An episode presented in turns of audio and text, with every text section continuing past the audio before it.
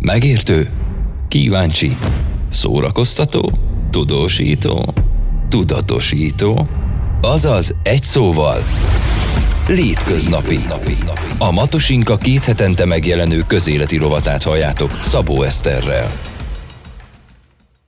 Sziasztok, üdvözlöm a hallgatókat, én Szabó Eszter vagyok. Ma is egy nagyon izgalmas résszel jött, jövök nektek itt a Matusinka magazinnak a létköznapi rovatába, mégpedig a vizekről fogunk beszélgetni, Románia vizeiről általában, meg amúgy az általában a vizekről is szerintem, és ebben pedig nekem Dénes Anna fog segíteni, aki a Bábes Bolyai Egyetemen doktorandusz hallgató, és majd elmondja nekünk, hogy pontosabban mivel foglalkozik, és miért foglalkozik egyáltalán ezzel. Szia!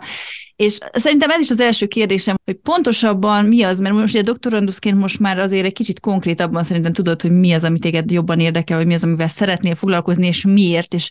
elsőként szerintem ezt fejtsd ki nekünk. Rendben, köszöntök én is mindenkit. Igen, én doktorandusz hallgató vagyok, ez most a harmadik évem, és a vízirovarok kutatásával foglalkozom, a három rovarcsoport, akikkel foglalkozom azok a kérészek, álkérészek és a tegzesek lennének. Na hát lehet, hogy ők elsőre így nem nagyon ismerősek senkinek sem, talán a kérészek közül. Ugye a tiszavirágról, meg a tiszavirágzásról, arról úgy hallottak már az emberek, ugye ez egy, hát Európában egy nagyon nagy testi vízi rovarfaj, aki ugye a nyár elején szokott ilyen nagy tömegekbe kirajzania. Hát elsősorban ugye Tiszavirágnak hívják a Tisza folyóhoz köthető, de hogy ugyanúgy nálunk Romániában, Maros folyón, a Dunán is megtalálható ez a rovar. Tehát ő talán az, aki így ismerősebb lehet, viszont mind három rovarcsoport azért lényeges számunkra, mert hogy őket azért nevezzük vízi rovaroknak, mert lárvális korba ők gyakorlatilag az életüknek a nagy részét a vizekben élik le, ott fejlődnek nagyon sokáig, és akkor ők gyakorlatilag, amikor átalakulnak, kibújnak a lárva bőrükből, akkor kifejlettként általában nagyon rövid életű rovarok lesznek, és akkor ők Hát a kérészeknél ugye ezt szoktuk is így használni, ugye, hogy valami kérész életű, tehát ők kimondottan tényleg ilyen nagyon rövid, akár pár napos élettartalommal rendelkeznek, amikor csak is a párzás az ő céljuk és a peterakás, de hogy általában egy néhány hétig élnek ezek a kifejlett rovarok, viszont a, lárváik azok, azért nagyon jelentősek, akár a mi szempontunkból is, mivel a legtöbb faj az a vizeinknek a természetességét és a jó állapotát jelzi nekünk, ezért őket bioindikátor fajoknak is nevezzük, és gyakorlatilag a vizes élőhelyeinknek a minősítésében és az állapot felmérésében van nekük nagyon fontos szerepük már, hogy ezt a folyamat, ebbe a folyamatba gyakorlatilag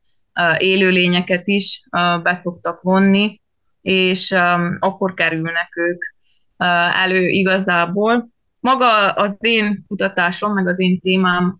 valahol itt kapcsolódik hozzájuk, mivel ezeknél a rovaroknál ezek a lárvaformák eléggé ismeretlenek, és nagyon nehéz ezek által meghatározni, beazonosítani a fajokat, viszont amikor akarunk minősíteni egy élőhelyet, akkor nekünk nem mindegy az, hogy egy olyan fajt találunk-e meg ebben az élőhelyben, amely gyakorlatilag az utolsó kis pocsolyában és patakban is megtalálható, vagy pedig egy olyan fajjal állunk szembe, akinek tényleg nagyon um, egyedi, uh, meg tényleg nagyon jó minőségű vizekre van szüksége, és akkor mi ezzel dolgozunk most az egyetemen, hogy igazából genetikai módszereket bevonva tudjuk ezeket a lárvaformákat azonosítani, és akkor tudjuk őket meghatározni a jövőben, megpróbáljunk erre kidolgozni egy ilyen határozót, egy ilyen segédletet, amivel ugye azok a szakemberek, akik vízminősítéssel foglalkoznak, akkor ők ezt tudják használni. Nagyon érdekes, meg érdekel engem is az, hogy, hogy mennyire, mennyire tudnak egymással kommunikálni, vagy egymástól tanulni azok az emberek, akik mondjuk, tehát ugye te a, ezeket a rovarokat, vagy a lárvákat vizsgáljátok, akkor ott vannak azok, akik a vízzel foglalkoznak, vagy a növényekkel, tehát hogy, hogy van azért egy ilyen közös kommunikáció abban, hogy, hogy akkor egymás segítsétek, vagy egymás munkáját segítsétek? Mindenképp próbálkozunk ezzel, meg próbálkozunk fenntartani egy ilyen kapcsolatot. Ugye a hivatalos szerv, aki ezt Romániában intézi, az a, az a vízügy, és ott vannak biológusok, tehát ugyanolyan szakemberek, mint mondjuk én, de hogy az a probléma igazából, hogy hát rengeteg csoport, úgymond rovarcsoport, meg élőlénycsoport van a vizeinkben, és akkor gyakorlatilag egyetlen egy ember nem lehet specialista mindezekbe, és igen, hát nem, e, igen erre értem. Pontosan ezért, bocsi, hogy szabadba vágok, csak pontosan ezért jutott eszembe az, hogy mennyivel megkönnyíteni az a munkát, hogyha tényleg most amúgy nagyon sok ember azt se tudja, hogy a biológusok ennyire lespecializálódnak e, ilyen szinten, tehát hogyha egy most valakit megkérdezel, aki nem nincs kapcsolatban, az valószínűleg nem tudja, hát biológus, biológus. De hogy közben meg mindenki nagyon-nagyon részletesen meg mélyen belemegy egy témába, amik amúgy össze összefüggenek. Igen, tehát ez mindenképp egy kihívást jelent, úgymond biológusként, hogy azért tényleg megtartani a kapcsolatokat, és igazából egy-egy ilyen élőhelynek a megismerése, meg a megértése gyakorlatilag azon áll, hogy a szakemberek tudják összedobni a tudásukat, és akkor így lehet gyakorlatilag ezeket az ökoszisztémákat tényleg feltérképezni, és, és csak ezek után tudunk eljutni mondjuk egy olyan lépéshez, hogy, hogy na akkor mit is tegyünk annak érdekében, hogy akkor ez, a, ez az élő hely, ez megmaradjon egy minél kedvezőbb állapotban, hogy az a biodiverzitás, ami ott megtalálható, az fenntartható legyen. Tehát ez mindenképp egy ilyen csapatmunka, és igen, ebbe szükség van arra, hogy, hogy akkor legyenek nagyon specializált emberek, és mindenképp, hogy megosztjuk egymással a, a tudást. És ugye, ha már ezzel foglalkozol, azért eléggé közel állsz, úgymond, tehát vizes, vizes területeken mész ki mondjuk terepre, meg, meg tényleg azért valamilyen szinten napjaidnak része ezzel a, a víz is úgy önmagában. Emberként ez, magánemberként számodra mit, mit jelent a víz, és vagy mennyire fontos számodra a víz, és szakemberként mit adott például az, hogy te ott elkezdtél kutatni? Szakemberként mindenképp egy nagyon izgalmas ökoszisztéma szerintem a, a vizeknek a világa, és hát én gyakorlatilag már az egész egyetemi képzésem során valahogy kötöttem ezekhez az élőhelyekhez. Én a szitakötőkkel kezdtem el a, az alapképzésen foglalkozni, és aztán ezt vittem tovább mesterihez, ugye mesterire, ők is uh, ugye vízirovar csoport, ők talán ismertebbek, mert ugye nagyobbak, szebbek. Uh, velük foglalkoztam, és akkor így jött aztán az, hogy na, akkor még egy kis váltás, és akkor kicsit újabb csoportokkal is uh, ismerkedjek meg, tehát uh, mindenképp szerintem igazából uh, az a lenyűgöző ezekbe a fajokba, meg ezekbe a rovarokba, amikkel én foglalkozok, hogy uh, tényleg mindegyik őjük egy-egy nagyon hosszas és izgalmas evolúciós történetet hordoz magába, amit így, így meg lehet érteni azáltal, hogy látjuk, hogy na akkor hol élnek, mi az ő igényük, mikor alakultak ki. Tehát szakemberként ez abszolút szerintem egy nagyon izgalmas élővilág, magánemberként pedig hát Igazából azt tudnám elmondani, hogy egy kicsit uh, másszunk vissza azért a szak uh, uh, kifejezésekbe is, hogy ugye szerintem már hallottunk erről a, a megnevezésről, hogy ökoszisztéma szolgáltatások, hogy ugye a körülöttünk lévő természet nem csak mondjuk gazdaságilag jelent, vagy ad nekünk bármit is, hanem nagyon sok más szempontból is, tehát a kulturális szempontból is fontos, meg maga az, hogy, hogy egyfajta kikapcsolódási teret nyújt. Tehát most mint, én, mint magánember azt leszámítva, hogy mondjuk vízirovarokkal foglalkozom, ettől eltekintve még nagyon szeretek mondjuk egy meleg nyári napon egy patakparton ücsörögni, vagy pedig egy tóparton ücsörögni, és akkor ugye ott megfigyelni, meg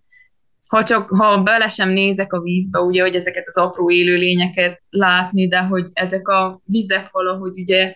mindent egy helyre vonzanak, tehát madarakat lehet ott látni,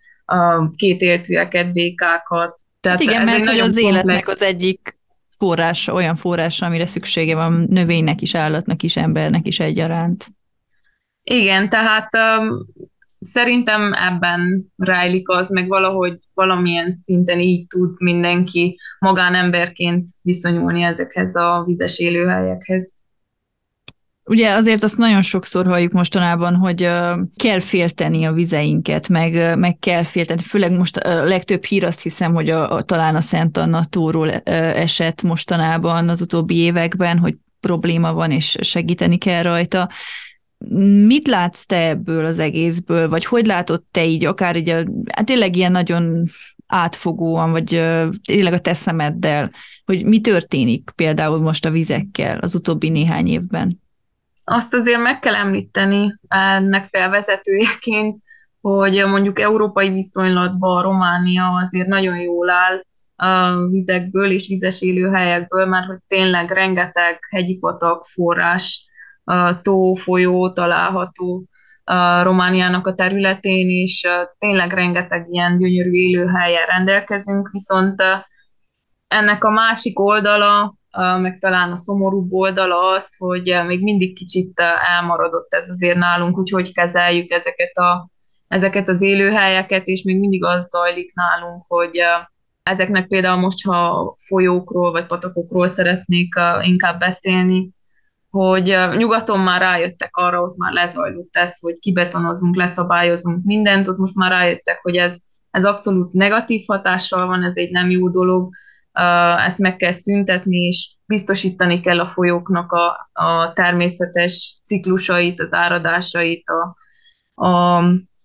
ezeket a folyamatokat, viszont nálunk ezt még mindig úgy kezeljük, hogy na akkor mi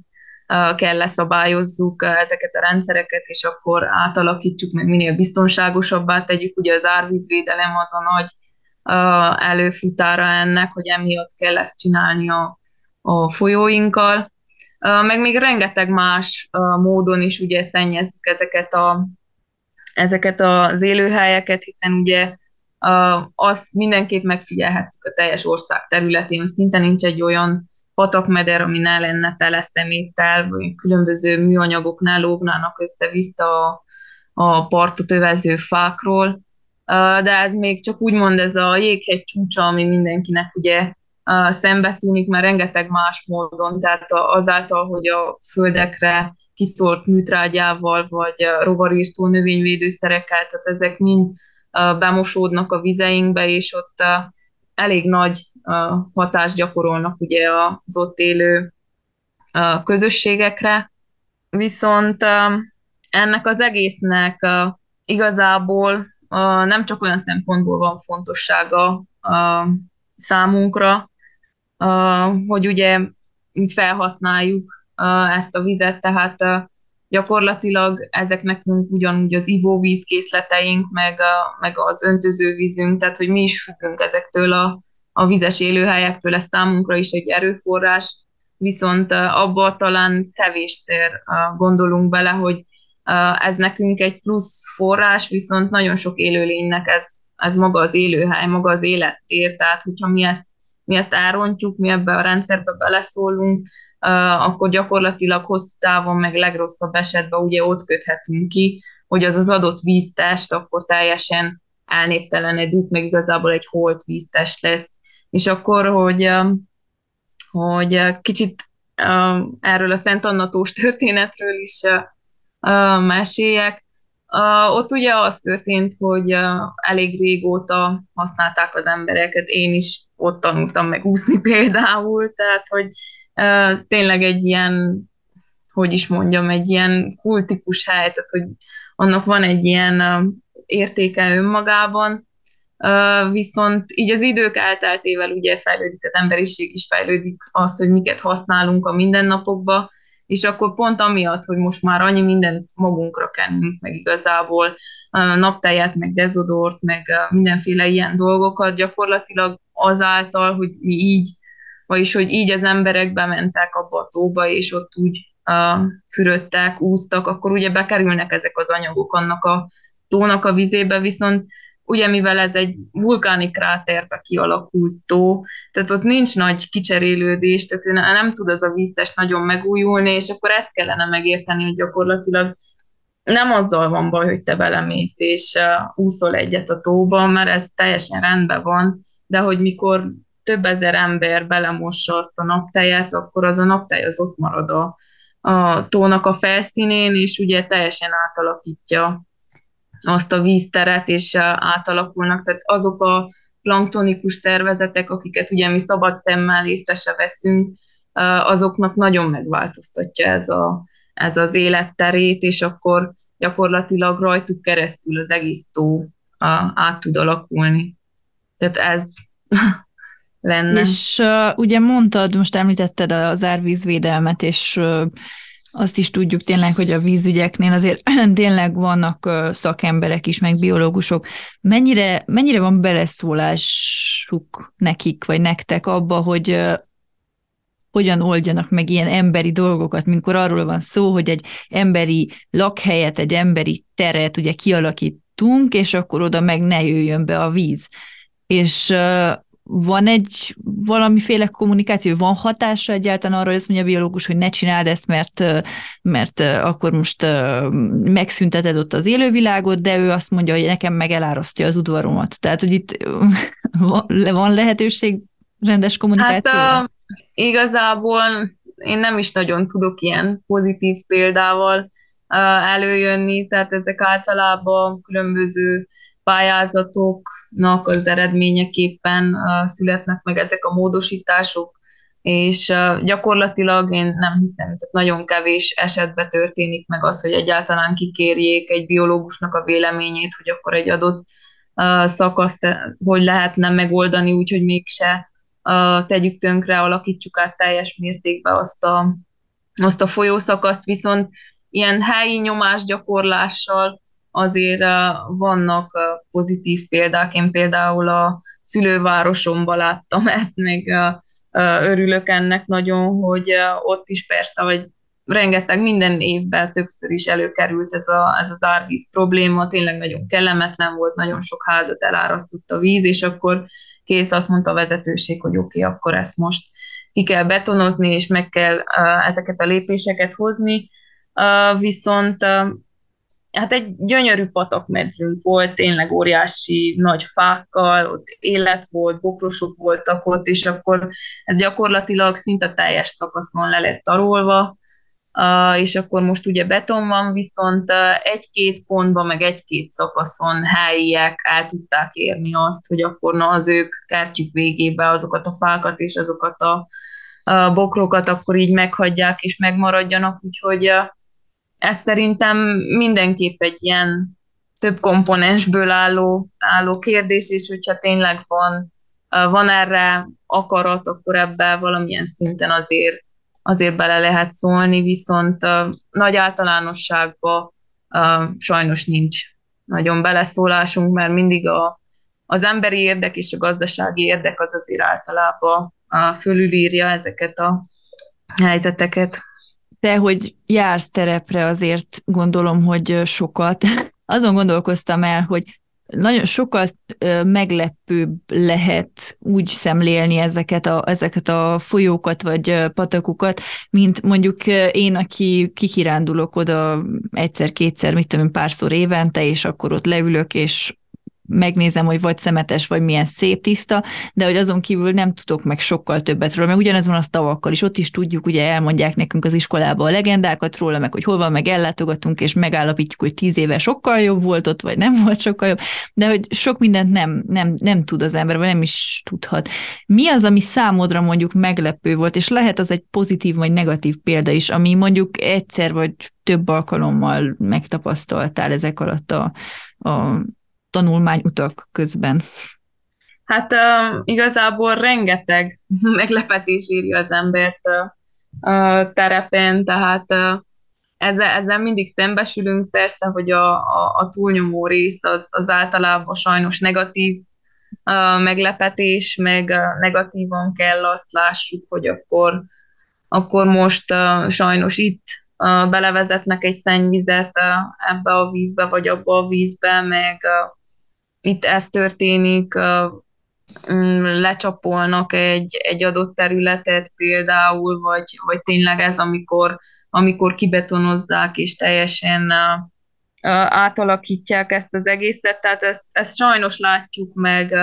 Nekem az volt egy nagyon mm, szomorú igazából élményem, hát élménynek, ha nevezhetjük, mikor például az Ernyesti szorosba mentem el egy, egy kirándulásra, és akkor azt tudtam, hogy az a hú de vagány sziklaszoros lesz, és én már nagyon vártam, hát, hát ugye nem csak a magánemberként, hanem persze szakmai szemmel is fel voltam készülve, hogy ú, ott majd milyen vagány vízi rovarok lesznek, hogy milyen jó lesz az egész, és akkor így bementünk a, a, a szorosba, és akkor így folyamatosan megvolt ez, hogy, hogy hallatszott a, a, a csobogás, a víznek a csobogása, és akkor én így néztem, hogy viszont ott van egy teljesen kiszáradt, vízmentes uh, patakmeder, és akkor itt mi is történik igazából, és aztán elmagyarázták, hogy gyakorlatilag egy fentebbi szinten elvezették a vizet, tehát csövekbe folyik le a víz, azért mert a, a lenti zónákba ugye az ilyen különböző vendégházakba így oldják meg a vízellátást, és akkor a, a fenti forrásokat, meg patakokat elvezetik, úgyhogy ez tényleg egy ilyen nagyon, nagyon szomorú élmény volt, hogy ott láttam, hogy egy szép sziklaszoros tele lehetne rovarokkal, ott lehetne a vízirigó, ott lehetne egy csomó élőlény, ugye halak, amik uh, ezekben a hegyi patakokban élnek, és akkor gyakorlatilag ebből csak egy annyi maradt, hogy hallott, hogy a csőbe, csőbe csobog a patak, tehát ez, ez így nagyon szomorú volt, viszont azért nem mondjam azt, mert, mert tényleg nagyon sok pozitív élményem is van vizekkel, hát persze mindig az, amikor felfedezünk egy-egy ritkább, egy-egy vagányabb fajt, vagy megtaláljuk ezt egy-egy élőhelyen, ez, ez nagyon érdekes tud lenni. Még ami egy nagy meglepetés volt, meg ez egy kicsit ilyen átmenet, hogy, hogy boldogság is, meg, meg szomorúság is, egyik terepezés alkalmával vízben lévő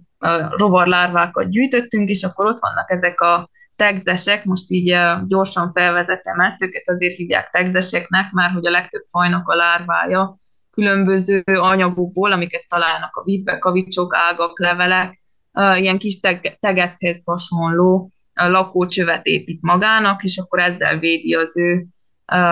testét a vizekben, és uh, akkor egy ilyen uh, tegzes lárvát találtam az egyik ilyen mintánkba, és amikor bent laborban néztem ezt mikroszkóppal, akkor vettem észre, hogy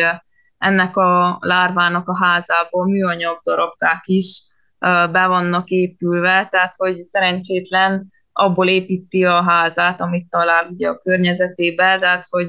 hogy ilyen szinten azért, azért ők valamennyire alkalmazkodnak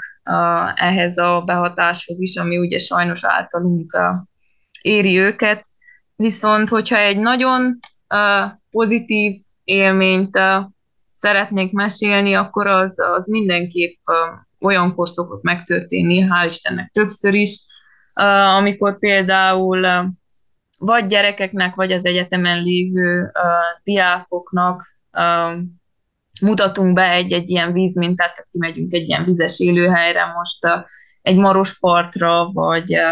vagy egy tóhoz, vagy egy kis patakhoz, és akkor tényleg ott megkaparásszuk a, az ajzatát, ott van a vízihálónk, és akkor egyszer csak a tál vízünkbe kirakjuk azt, hogy mi is van,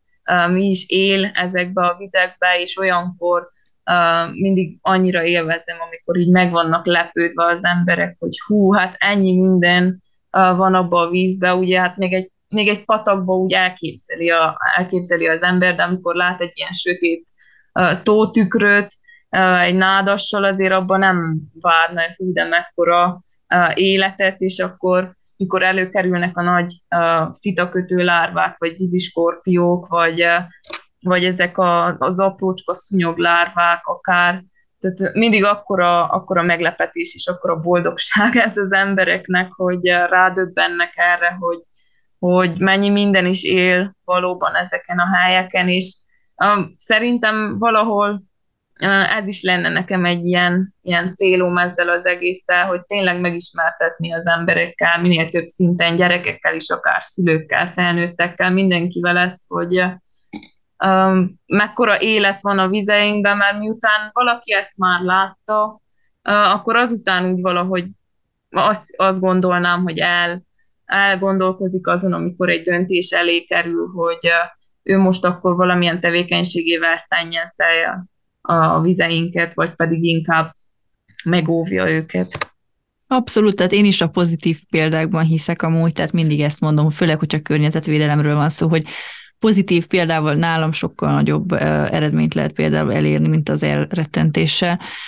Még egy kérdésem van számodra, az pedig az lenne, hogy ho- hova ajánlanád, hogy menjenek az emberek, hogyha víz közelbe akarnak menni? Ez egy nagyon-nagyon fontos kérdés, mert hogy nehezen találj, mert vagy szemetes a part, vagy sokan vannak, vagy ugye, tehát ez minden, mindenféle víz, tehát akár tengerről, akár folyóról beszélünk, akár tóról, tehát most már az embereknek nagy probléma tényleg az, hogy hova mehetnek el víz közelbe, hogy tényleg megér, megkapják azt az élményt, amit az nyújthat. Hát nekem elég sok kedvenc vízes élőhelyem van, persze a a szívem csücskében inkább az otthon lévő élőhelyek vannak, tehát nekem az egyik kedvenc helyem, meg eléggé meghatározó hely is, az a Vargyas szoros lenne, és ott a Vargyas patak, tehát tényleg én nagyjából ott nőttem fel, nagyon sok élmény köt ahhoz a, ahhoz a helyszínhez, ahhoz a patakhoz. Az például szerintem egy ideális hely lehet, mondjuk nyáron, amikor nagy turista szezon van, akkor biztos, hogy kell arra számítani, hogy, hogy tényleg zeng az emberektől az a, az, a, az a völgy, és ott van mindenki is, de, de ott is lehet találni ilyen szakaszokat, meg igazából, ha leül az ember, és tényleg egy kicsit ott elcsendesedik, meg, meg próbál a természetre figyelni, akkor meg lehet találni azokat a réseket, amikor, amikor csend van, és úgymond élvezhető ez az egész uh, vízélmény. Hát nagyon-nagyon köszönöm, hogy válaszoltál a kérdéseimre, és köszönöm azt is, hogy nyitott voltál erre a beszélgetésre. Szerintem az egyik legnagyobb üzenet az az, hogy tényleg próbáljuk meg ilyen vagy olyan módon felfedezni azt, hogy mi, mik élnek a vizekben, mert tényleg abban a pillanatban, hogy meglátjuk az értéket benne, és nem csak a fürdőhelyet, nem csak a hűsülő helyet látjuk benne, hanem egy nagyon színes élővirágnak a, a, a területét is, akkor valószínűleg, hogy sokkal jobban fogunk vigyázni rá, úgyhogy vigyázzatok a vizeinkre, és járjatok kultúráltan fürödni. Minden jót kívánok mindenkinek, és még egyszer köszönöm, hogy itt voltál. Én is köszönöm szépen a megkeresést. Ez volt a Létköznapi Szabó Eszterrel. A műsor írott változatát megtaláljátok a matosinka.ro weboldalon, vagy a Matosinka Facebook oldalán. Kövess, szólj hozzá, légy te is létköznapi.